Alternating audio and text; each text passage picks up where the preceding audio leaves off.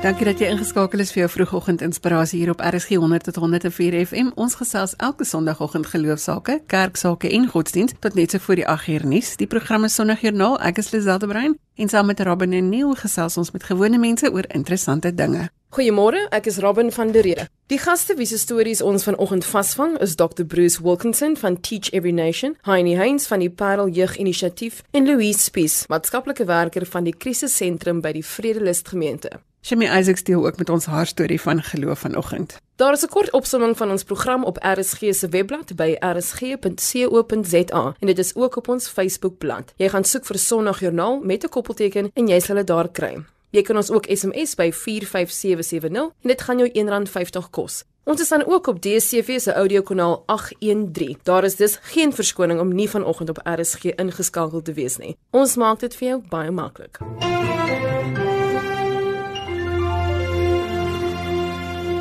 Dr Bruce Wilkinson is van Teach Every Nation en is tans in Suid-Afrika waar hy op verskeie plekke langs die tuinroete opgetree het en ons gesels vanoggend oor die impak van hulle werk in Suid-Afrika. Ons gaan die onderhoud in Engels doen. Good morning Dr Wilkinson. Good morning. It's great to be with you. You have lived in South Africa and impacted a lot of the people in different ways. What brings you to our country this time? Oh my goodness, it's great to be back here. We feel like this is our second home. The people are wonderful and the landscape is just breathtaking. What brings us back to Africa this time is in 2013, we launched a ministry called Teach Every Nation. And its purpose is to come alongside local pastors in the churches of not just South Africa, but all of Africa. We're working in 27 African nations now, and we set up training centers along with the pastor, and the pastor becomes the leader of that training center. We call him a dean, and uh, we have developed a series of courses each year called the Bible School on Wheels.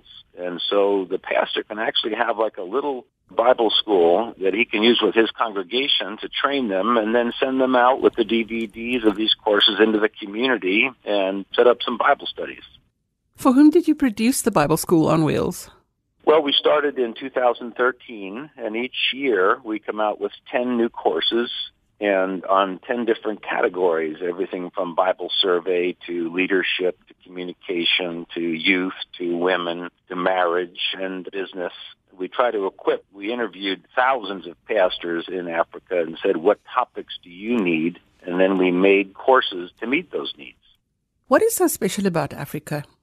Well, that's a great question most people in Africa only have a local perspective, but when you study the statistics that are coming out, it shows that Africa is in the middle of the greatest movement of God in the history of the church. There are more people coming to know Christ, more new churches, more growth than any other place in the world. And more than China, more than America, more than Latin America, the hotspot is Africa. And you find a hotspot in the world where spiritual revival, in a sense, is happening. That shows you God's highest priority. And it's where he's working the most dramatically. So that's where we came to Africa first. You know that South Africans are going through a tough time at the moment. Mm. Does the prayer of Jabez still change lives?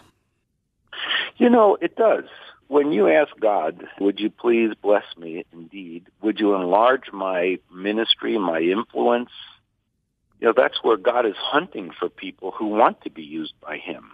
And when you, in a sense, hold up your hand and wave it toward heaven and say, please send me to somebody who needs some help, please expand my territory, God doesn't find enough people who want to do that.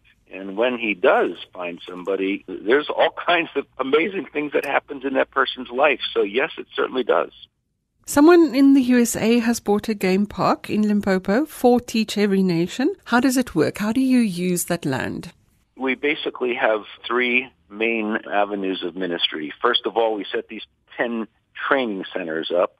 And this year alone, we are starting 1,000 training centers. Just think of that. If you were to say, we want to start 10, that would be a lot to most people. But because of the need, it's a thousand this year, and our ultimate goal is to have 10,000 in Africa. That's the first thing we do. The second thing we do is we make these courses that are specifically made for the global south on all these topics I talked about. And the third thing we wanted to do is set aside a special training center where we could bring in pastors and leaders and train them for a week. And rather than, you know, buying a building in Johannesburg, which would have been much easier, we wanted to treat the pastors really special.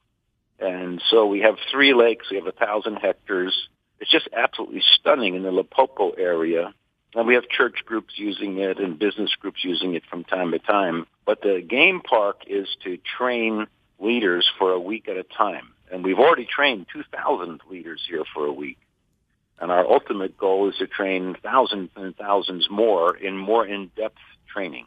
Dr. Wilkinson, our program focuses on inspiration. I would want you to listen to it every Sunday morning, except you don't speak Afrikaans, or do you speak Afrikaans a little? No, I don't. I'm sorry. I'm not very good with languages. If we can inspire everybody who's listening today regarding their faith, what would your word of encouragement be to believers?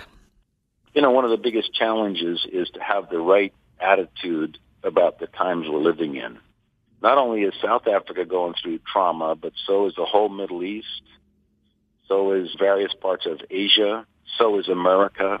The trouble in South Africa is not unlike many places in the world. And it's easy to lose hope because we look at the circumstances and we say, why isn't it better than this? What can I do? And we lose confidence that God is still on the throne, that he is still our sovereign God, and that he is working all things, including the trauma that we face in our home with our family or our economy or our jobs or our health. He works everything because he is so utterly brilliant. He can work everything for everyone who loves him to their good at all times.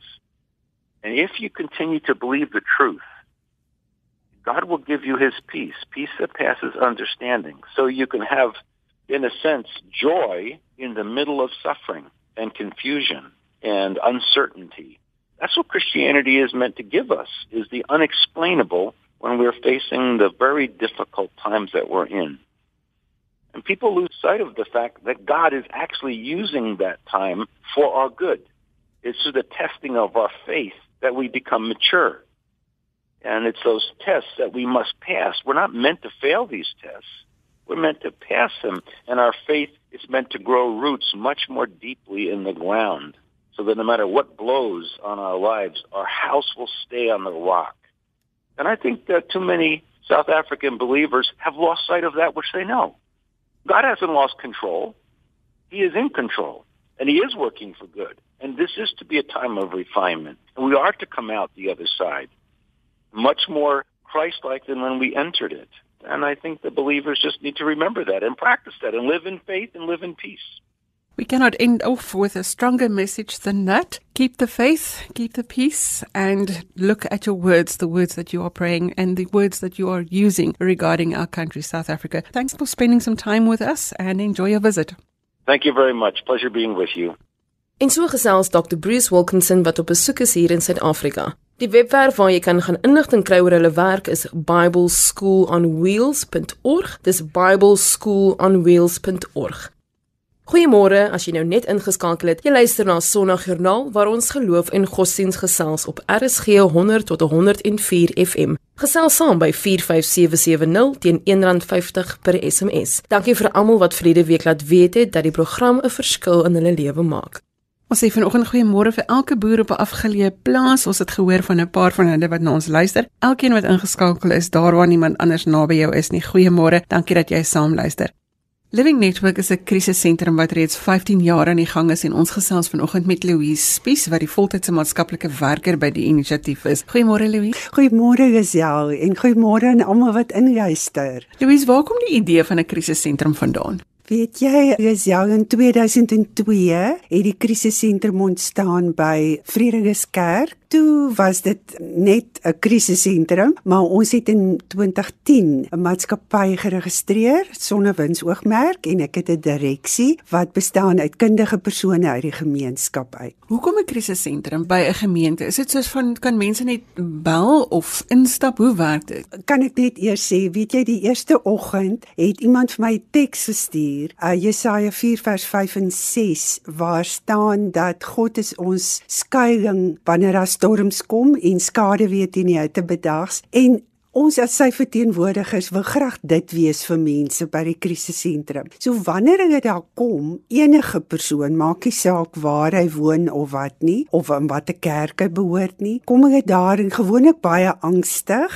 en baie bekommerd oor 'n klomp dinge wat verkeerd is in hulle lewe. So dan doen ons assessering om vas te stel en hulle te help. Wat is die behoeftes en ook om dit te prioritiseer want ons kan nou nie aan alles gelyk aandag gee nie. En soms is dit eers die basiese goed soos kos en klere en komberse en so aan. En wat ook vir my belangrik is is om te verduidelik wat is die rol van die krisissentrum? Want mense het soms onrealistiese verwagtinge en ek wil dit graag uitskakel. Byvoorbeeld nou is werkloosheid 'n baie groot probleem. So die persoon sou inkom uit die werk nie, hy's depressief, hy gebruik dalk al alkohol, daar's probleme in die gesin en dan help ons om eers net die dinge uit te sorteer. Het hy 'n idee? Het hy 'n CV? En ook om te kontrakteer dat mense nie uh, die verantwoordelikheid wil afskuif op die maatskaplike werker nie. So ek is baie duidelik daaroor wat is elkeen se verantwoordelikheid en vrywilligers se rol kan ek nooit genoeg beklemtoon nie, want soms skei persone en die vrou was lank uit die arbeidsmark uit en dan het ek 'n vrywilliger in die gemeenskap wat in die korporatiewe wêreld was was en sy voer dan onderhoude sy leer die vrou bietjie dat sy weer selfvertroue het. Ons skryf haar mooi klere sodat wanneer sy vir die onderhoud gaan, sy goed voel oor haarself en voorberei is. Dis basiese dinge wat mense net eenvoudig nie het nie. Ja. Ons dink so almal het ondersteuning en almal het die nodige emosionele IQ as ek dit amper so kan noem om al hierdie goed bymekaar te trek, maar dit is as jy nie werk het en jy het nie geld nie en jy moet van iewers af begin het jy net daai handjie nodig wat jy optel. Dis reg. Dis hmm. reg. Nee, Nee, dit is baie belangrik en soos ek sê, mense het nou later dan nie meer selfvertroue nie. Iemand het nou dag vir my gesê hy het nou 200 CV's uitgestuur en hy kry net niks nie. So ja, dit is vir my belangrik dat hy dan inkom en ons weer 'n bietjie gesels om nie net hoop te gee nie, maar om regtig praktiese dinge aan te spreek en baie vrae vir gebed wat ons ook doen in die kantoor en dan verduidelik ek ook aan hulle dat ek soms met hulle toestemming moet verwys. Soms is 'n persoon regtig so depressief al dat hy nie lekker kan konsentreer nie, so ek sou hom verwys na 'n sielkundige in my netwerk of 'n psigiater of ander kollegas. So ek verduidelik dit mooi vir hulle en dat hulle weet binne in daardie netwerk gaan hulle baie goeie dienste ontvang. En weet jy, ek kom nou baie in die breë gemeenskap en dan is daar baie ander behoeftes. En wat vir my heerlik is, is wanneer 'n kerk of 'n maatskappy kom en sê, "Hoorie, ons wil iets doen, maar ons weet nie wat nie." En dan kan ek vir hulle in kontak bring met daardie organisasie waar daar behoeftes is en dit is vir my baie lekker as ek so sien hoe die dinge bymekaar kom terwyl ek nou nie 'n direkte rol vir dit daar speel nie. Dit is so belangrik want dit is tog waaroor geloof gaan om 'n gemeenskap te vorm en om 'n basis te wees ja. waar 'n mens ondersteuning kan kry. Dis reg. Wat se werk doen julle nog? Mense het mos verskillende drome. En partykeer is 'n ou se droom net om sy eie hokkie te bou. Maar hy het spykers nodig en hy het deure en vensters nodig. So ek het so 'n paar goedgesinde bouers en dan help hulle vir my uh, om die voorraad bymekaar te kry en dan is daardie persoon se droom verwesenlik want hy wou net die hokkie gebou het. Maar soms het ons byvoorbeeld 'n huiskerk of 'n selgroep wat kom en sê maar ons wil iets doen vir iemand. En ek het so 'n gesin wat uh, ouma, da oupa en twee kleinkinders is en hulle kry baie swaar en ek het toe hierdie huiskerk in verbinding met hulle gebring en Kersfeesoggend vir hierdie jaar het hy die wonderlikste ete en geskenke vir die gesin gegee. Valentynsdag het hy ete gebring wat ons almal wees voor was en met Vadersdag en Moedersdag. So aan beide kante het dit 'n verskil gemaak aan die gesin wat die behoefte gehad het, sowel as hierdie huiskerk. Ons het 'n dogter wat 'n matriek was hier in Belwel en die ouers kon dit nie bekostig nie en sy wou verder studeer. En toe het ons vir gehelp met beurse en so aan. En toe hulle nou moet gaan om maar weg te neem want was 'n universiteit wat nou nie in ons provinsie is nie. Het ons twee bande vir die motor gekoop want was nou nie so goed gewees nie. En ander persone het 'n skootrekenaar gegee wat ons vir haar kon gee. En weet jy sy doen so goed. En vir jare sy onderprim van haar koshuis en volgende jaar is sy prim van die koshuis. So ehm um, ons borg al haar etes. So dit is so lekker om gereeld te hoor hoe dit met haar gaan en vir haar voorbeding te doen. En ag, dan het ek hierdie ou wat een keer gekom het en gesê het maar hy het net staan net 5 toe nog gehad graad 7, huidige graad 7. Hy wou nie meer leef nie. Hy het gesê Jesus is nie meer lief vir hom nie en toe vra ek vir hom nou maar as hy nou kan kies wat sy hy graag wil doen. En hy sê toe maar sy droom is om 'n sekuriteitswag te wees. En ek het al die inligting gekry en ons het vir sy opleiding betaal en uh 3 dae nadat hy sy sertifikaat gekry het, toe bring hy sy uniform en toe hy werk gekry. En weet jy, 8 jaar later is hy nog by dieselfde werk. Ek het vir hom gehelp om 'n begroting op te stel met sy eerste salaris en Ja, dit is so lekker om so verskillende mense se lewens te maak en ander wat ons hande styf hou. Ja. Wat beteken dit vir jou eie geloofslewe om hierdie werk te doen? Want ek kyk in jou gesig en ek kan net sien die glimlag van al hierdie goed wat jy doen. Ja. So wat beteken dit vir jou eie persoonlike geloofslewe? Weet jy totale afhanklikheid van ons Hemelse Vader. Ek in die oggend vroeg sê ek vir die Here, ek wil tot sy beskikking wees en hy moet asseblief vir my vandag wys waar hy my wil of kan gebruik. En ons doen al ons werk met donasies ook. So ek kan vir jou sê party dae, hoe raak ek moedeloos as die fondse so min is en dan sorg die Here net ek kan die wonderlikste stories vertel hoe ons op presies die regte tyd die fondse gekry het. En Ek moet ook sê soms raak ek moedeloos met die kliënte wat ten spyte van die terapie, ten spyte van al die insette, die verkeerde keuses maak en jy kan sien hoe stuur hulle op 'n afgrond af. En dan is dit ook vir my wonderlik. Ek het so 'n taakspan ook om te sê help bid vir my. Dis nie net ek alleen wat bid nie. En hierdie persoon het familie wat swaar kry, veral met ons dwelms. So die ouers is baie moedeloos. So ons bid vir hulle en help vir hulle. En 'n gebed wat ek elke dag bid, is dat die Here vir my sou help dat ek deur sy oë na die mense sal kyk dat ek nie moedeloos of kwaad raak nie, maar dat ek regtig vir mense met respek en liefde kan behandel.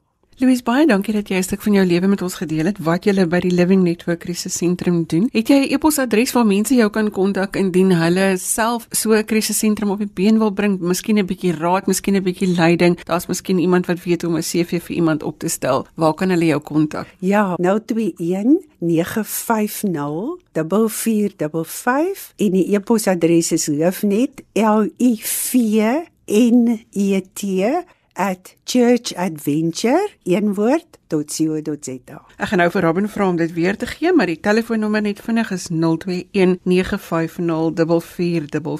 Louise, jy doen geweldige werk. Baie dankie dat jy dit met ons gedeel het. Baie dankie dat ons kom gesels het. Louise Spies is 'n maatskaplike werker en sy werk by die Living Network Krisissentrum by die Vredelus gemeente hier in die Wes-Kaap. Louise Epos is livenet@churchadventure.co.za. Dis livenet L I V N E T by churchadventure.co.za. En die telefoonnommer is 021 950 4455.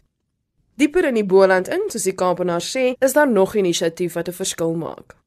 En Frank het gesê, no one has ever become poor by giving. In die Parel is daar 'n groep gelowiges wat deur die Parel Jeuginisiatief 'n verskil maak deur van hulle tyd te gee. En ons gesels vanoggend met Heinie Heinz oor hierdie inisiatief. Hy is hier by ons in die ateljee. Goeiemôre Heinie. Goeiemôre Lisel. Heinie, verduidelik vir ons wat is die Parel Jeuginisiatief? Die Parel Jeuginisiatief is 'n nuwe winsgewende organisasie wat hom spesifiek bemoei met jong mense van in ons konteks nou die Noorderparels episode die plase van Noorderparel. Hulle is tieners van graad 8 tot graad 12, kom almal vanaf die Noorderparel, Agterparel, Windmeel en die plase tot teen die Pareberg en nadat hulle gewerf is, dan kom hulle in ons Good Company program en die Good Company program strek vir 5 jaar. So van graad 8 tot graad 12 is hulle dan in ons Good Company program en gedurende daardie 5 jaar onderwerp ons hulle aan 'n groot klomp ontwikkelingsgeleenthede, juis om vir hulle die tools te gee sodat hulle 'n sukses van hulle lewe kan maak. Wat is die tipe probleme waarmee die jeug gekonfronteer word? Ek dink die jeug oor die algemeen het maar baie van dieselfde probleme, maar spesifiek die plaasjeug het mos nou deesdae dwelms wat al hoe meer na die landelike areas toe beweeg. Tienerswangerskappe, vroeë skoolverlating, disfunksionele gesinne en 'n gebrek aan rolmodelle. Al die dinge wat ons in ander gemeenskappe ook sien, is ook op die plase en dit is juis as gevolg van daardie probleme wat ons probeer om vir hulle ontwikkelingsgeleenthede te gee. Vind julle ook dat huisgesinne waar daar nie paas is nie is 'n probleem? Ek dink die navorsing wys dit vir ons in die ondervinding waarmee ons werk en ek dink meeste mense wat met jong mense werk gaan presies dieselfde sien. Dat daar waar 'n pa is, in die meeste gevalle is dit 'n sterker en 'n meer stabiele gesin. Ons het byvoorbeeld nou 'n ouerskap kursus aangebied vir van ons ouers en vir die eerste keer was daar twee paas ook deel van die kursus gewees. En een van die paas wat dit bygewoon het, na die tyd het sy dogter op Facebook vir ons 'n boodskap gestuur om te sê dat toe die kursus klaar is, toe sy haar pa 'n ander mens. En ek dink dit maak nogal baie keer die werk wat 'n mens doen die moeite werd.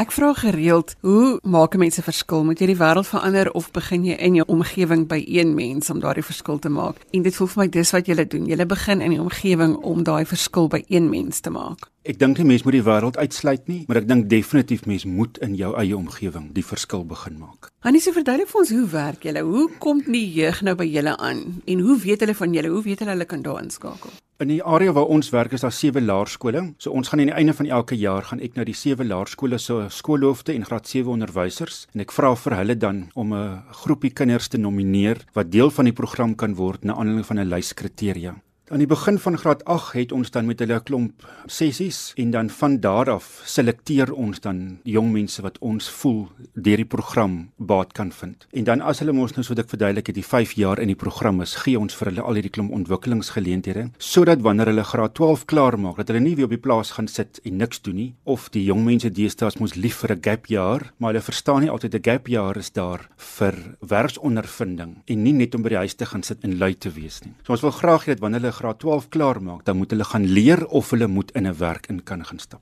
Waar pas geloof in by dit wat jy doen? Ek dink vir ons is, is geloof ontsaglik belangrik. Almal wat met hierdie jong mense werk deur die Parel Jeug Inisiatief en ook die Good Company program, is gelowiges. Wanneer mens met die jong mense praat, dan ek wil amper sê jou geloof in die Here is so sout wat jy strooi in dit wat ons sê.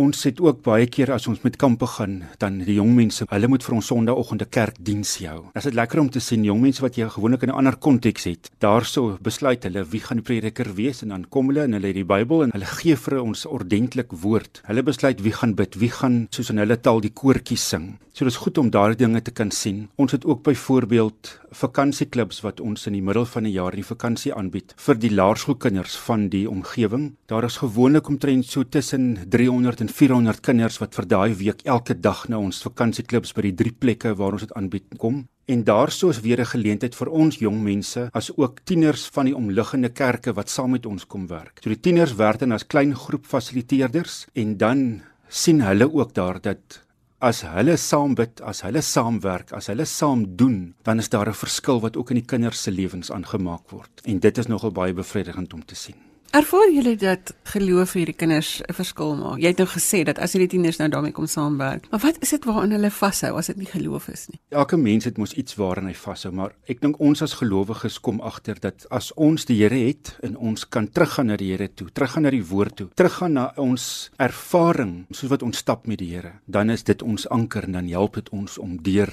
die dal van diep donker skaduwees te kan gaan. Nee, nou kan jy nou nie laat wegkom deur nie hierdie vraag te vra nie. Watter verskil maak dit in jou eie geloofslewe om by hierdie inisiatief en by hierdie kinders betrokke te wees? Ek dink Jesus het vir ons die voorbeeld gestel. Hy het nie gebly waar hy was nie, maar hy het na ons toe gekom om 'n verskil in elkeen van ons lewens en ook die hele wêreld te kan maak. So om deel te wees van dit wat hy gedoen het en nog steeds deur die Heilige Gees vir ons vandag doen. En dit is onsaglik bevredigend om te kan sien hoe 'n jong mens in graad 8 byvoorbeeld inkom. Onsaglik skaam. Die meeste van hierdie tieners is mos maar baie baie skaam. En hoe, nou nie almal nie, maar baie van hulle uit hulle dop uitkom en hulle praat van confidence. Dit is my so lekkerder woord as selfvertroue. Maar hoe hulle dan met selfvertroue dan verder kan gaan, dan weet 'n mens dat as dit nie vir die Here was wat elkeen van ons vir my op die pad gelei het tot waar ek vandag is nie. Sou ek nie hierdie werk gehad het waar ek in jong mense se lewens kon inbou deur 'n organisasie soos die Parel Jeuginisiatief en die program wat ons die Good Company program noem nie, dan sou niks daarvan enigsins sin gemaak het nie. Hy nie mense wonder. Hulle vra waar kan ek 'n bydrae maak? Hoe kan ek 'n bydrae maak? En ek probeer met elke onderhoud onderstreep, dit is waar jy die, die verskil kan maak. Mense kan hierdie ding in hulle dorpe ook mos doen. Dit is eintlik baie maklik om so iets te doen. Dit kos harde werk, maar maklik in die sin van soos wat dit vir jou maklik sal wees om op jou bank te bly sit en niks te doen nie. Net so gaan dit maklik wees om op te staan en uit te gaan en toe te laat dat die Here vir jou plekke en mense wys waar jy betrokke kan raak. Nie almal kan 'n organisasie begin nie. Nie almal kan iets groots altyd doen of nie almal wil iets groots doen nie. Maar elkeen van ons kan 'n plek gaan kry waar die Here besig is en dan kan ons daarso gaan betrokke raak. Spesifiek in ons konteks met die jong mense, in elke dorp is daar 'n klomp tieners wat 'n behoefte het aan iemand soos mentors. Net iemand wat met hulle kan gesels, wat vir hulle kan met lewenswysheid bedien. Daar is so baie wat 'n mens kan doen en ek dink baie mense word afgesit deurdat hulle dink hulle is nie relevant vir tieners nie. Maar ons het nou al hoeveel keer gesien dat daar is baie keer jeugwerkers wat nie jonk is nie, wat baie keer ou mense is en net as gevolg van die manier hoe hulle met die jong mense oor die weg kom, maak dat hulle dat hulle waarde toevoeg tot die jong mense. So ek dink elkeen van ons het 'n plek waar ons kan inkom. Nou ja, as jy nou vir ons een ding geleer het, dan is dit dat ons nooit alleen hoef te loop of te hardloop nie. Saam is alles beter. Annie, baie dankie dat jy 'n stuk van julle werk met ons kom deel het vanoggend. Baie baie dankie dat jy my genooi het.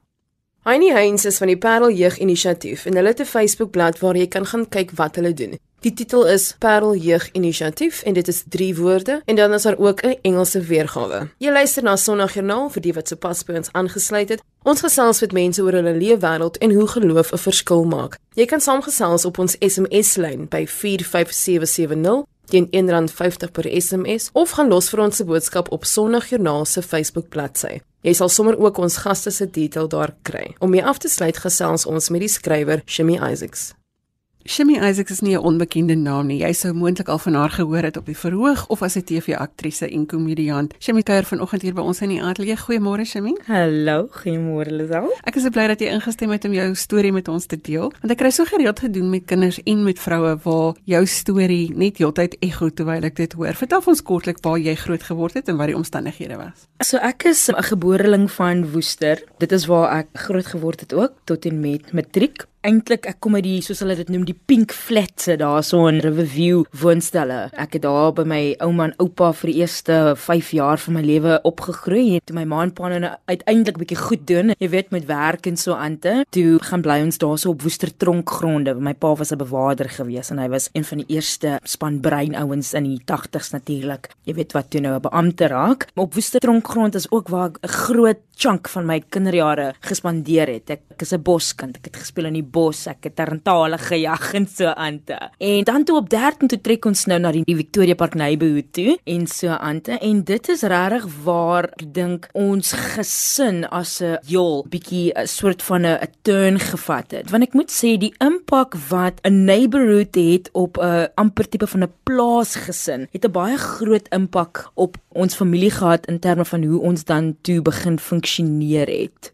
Ja. Jou ma en jou pa is toe geskei. Kyk, daar was so gedurende die jare, was daar maar so hier en daar knaak dan is my pa nou weer okay en dan gaan hy nou weer van die pad af en so aan. Die feit dat ek dink hy ook 'n bietjie alkohol ingeneem het, het 'n groot impak gehad op die besluite wat hy aan die einde van die dag gemaak het. So, toe op 15 toe tref die trauma ons met my pa wat toe nou besluit hy gaan weg. En ek moet sê my ma is 'n gelowige vrou. Sy is 'n godsdienstige vrou. Sy is 'n godsdienstige vrou van kindsdae af. Ek moet sê dit was die eerste keer wat ek my ma net gesien opgee. Sy het regtig waar haar moed was klaar. In die middag kom ek uit die skool uit en my ma lê in die kamer op die bed en sy roep haar dogters en ons is net meisies.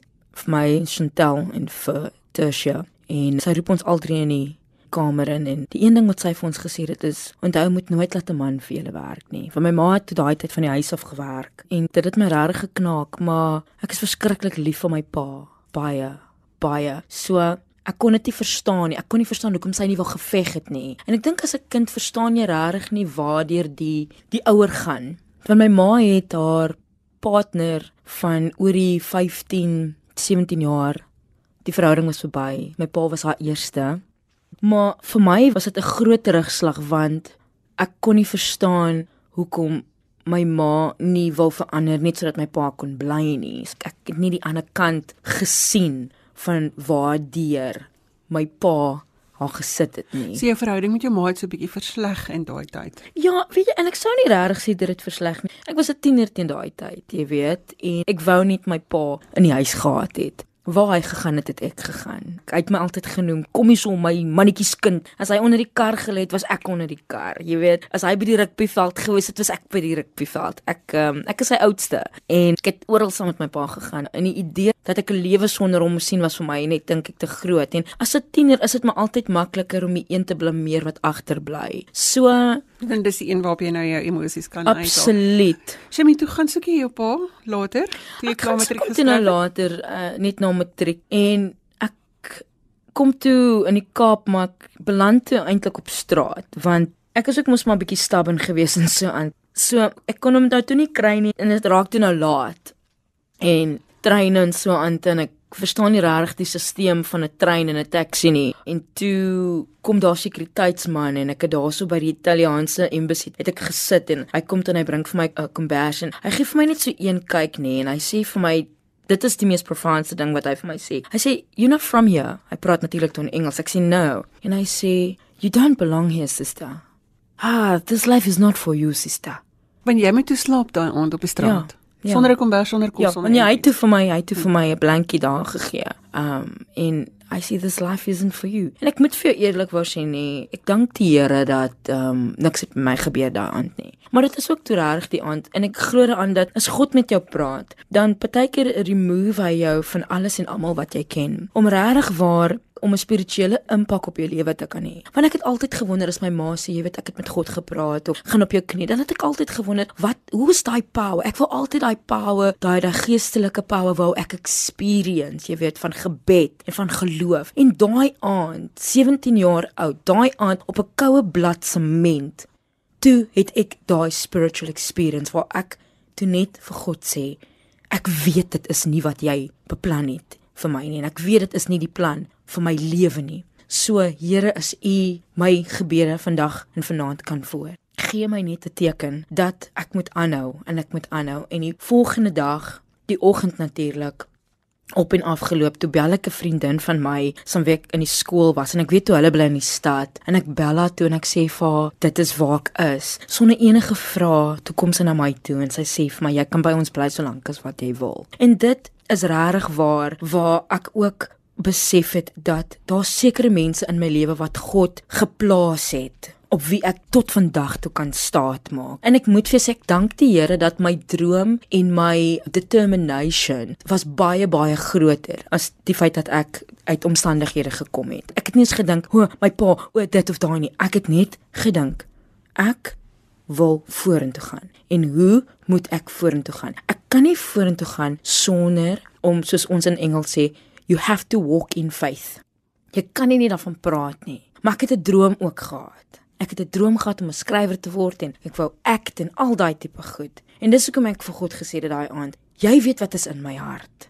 Wys vir my hoe ek een voet voor die ander voet moet sit. En ek het ophou probeer control van ek het ophou probeer my pa ooreed en ek het toe agtergekom ek het nie daai ek het nie daai krag nie. Jou verhouding met jou ma, jou gesin, jou familie, dit is vandag 'n baie goeie O, verhouding. jene. Ons ken nou die res van die storie. Jy het Ja. op 'n manier jy het verblyf gekry. Ja. Jy het gaan swat. Ja. Jy het geld verdien en Ja. jy het jouself gekry Ja. waar jy nou vandag is met die hulp van die Here. Natuurlik, natuurlik. Watter rol het geloof nou in hierdie herstel van hierdie verhouding gespeel? Ek het 'n beurs gekry net om vir jou gehoor te laat weet. So dinge was nie maklik nie. Ek het baie hard gewerk vir baie jare en op 21 toe natuurlik kry ek 'n beurs en dit was toe ek my graad kry, my honeursgraad waar my ouers toe kom. Ek bedoel my ma en my stiefpa teen daai tyd. Ek kon sien die trots op my ma se gesig en almal het haar bedank en gesê, "Yes, good job, jy het mooi kind dogter grootgemaak en alles." En ek kon regtig die pyn in haar oë sien want ek weet sy haarself het skuldig gevoel dat sy nie deel was van dinge in die vroeë jare nie. Maar dit is daai oomblik wat ek besef het, it's up to me to change the trajectory of where my family is going to go. History does not have to repeat itself en dit gaan dit nie herhaal met my nie en ek maak toe 'n conscious geestelike besluit om my ma te betrek in alles wat ek doen. Want ek was alleen vir baie jare en ek maak toe daai besluit en vandag is my sukses my ouers en my susters se sukses. En my ma het om vergifnis gevra. En ek besef toe dat sy hoef nie regtig nie, maar ons het 'n verhouding vandag waar ons so openlik gesels. Want ek het besluit, ek gaan nie soos ander kinders wat groot sukses behaal, wegloop van hulle ouers en nie terugkyk en nie terugploeg nie. Want my lewe kan net geseënd bly as ek teruggee en as ek my gesin opjaap en vir hulle wys enigiets is moontlik. Jou boodskap oor geloof, as dit by geloof kom, Shimi. Wanneer dit by geloof kom, God het 'n rede hoekom hy jou laat wag baie keer. Meestal van die tye moet ons deur pyn gaan sodat ons die blessings en die verandering wat God in jou lewe kom plaas, sodat ons dit kan waardeer. Soos my ma altyd sê, die waarde van 'n rand my kind moet jy ken. So ons kan nie net spandabelrag is met ons feelings en ons verhoudings en gaan van een verhouding na die ander verhouding nie. Die boodskap wat ek veral vir jong mense My ma, ek het altyd vir gesê jy bly van die kerk praat en mamma dit en daai en daai. Maar ek kan vir julle vandag sê alles wat my ma my daai tyd gesê het is waar. So, walk in faith. Dinge gaan miskien nie nou vir jou sin maak nie. En as jy miskien vir jouself bevind in 'n moeilike omstandighede, onthou, God kan nie met jou werk as jy nie saam met God werk nie. Dit is 'n two-way relationship hierdie. Daar's mense wat bid en wat vir God goed vra, maar hulle verwag dit moet net kom. Jy moet die werk insit. As jy in 'n toksiese verhouding is, jy moet daai besluit maak om weg te stap. Shemin, baie dankie dat jy vanoggend jou storie met ons gedeel het en dankie dat ons kan leer daaruit en dat ons ook dit kan gebruik om die toekoms in te gaan. Baie baie baie dankie. Ek is baie lief vir RSG by the way. En met daardie boodskap is ons aan die einde van vandag se Sondagjoernaal. Onthou, jy kan ons ook op potgooi kry op RSG se webwerf by rsg.co.za. Ons gaste vanoggend was Dr Bruce Wilkinson van Teach Every Nation, Heinie Heinz van die Parel Jeuginisiatief, Louise Spies, maatskaplike werker van die Living Network Krisissentrum by die Vredelus gemeente en Chemi Isaacs het 'n pad met geloof met ons gedeel. Volgende Sondag is ons weer hier op dieselfde tyd met nuwe stories uit die wêreld van geloof en godsdiens. Stuur gerus vir my 'n e e-pos as jy jou storie met ons wil deel. My e-posadres is lazel@wwmedia.co.za. Ek gaan dit gou weer gee. Dit is lazel l e z e l e by wwmedia.co.za. Tot volgende Sondag sê ek totsiens. Ek groet ook namens produksieregisseur Neil Roo agter die kontroles en daarmee saam hoop ons dat jou Sondag 'n geseënde dag sal wees. Tot volgende week groet ons met die klanke van Amen met Maak oop die deure. Totsiens.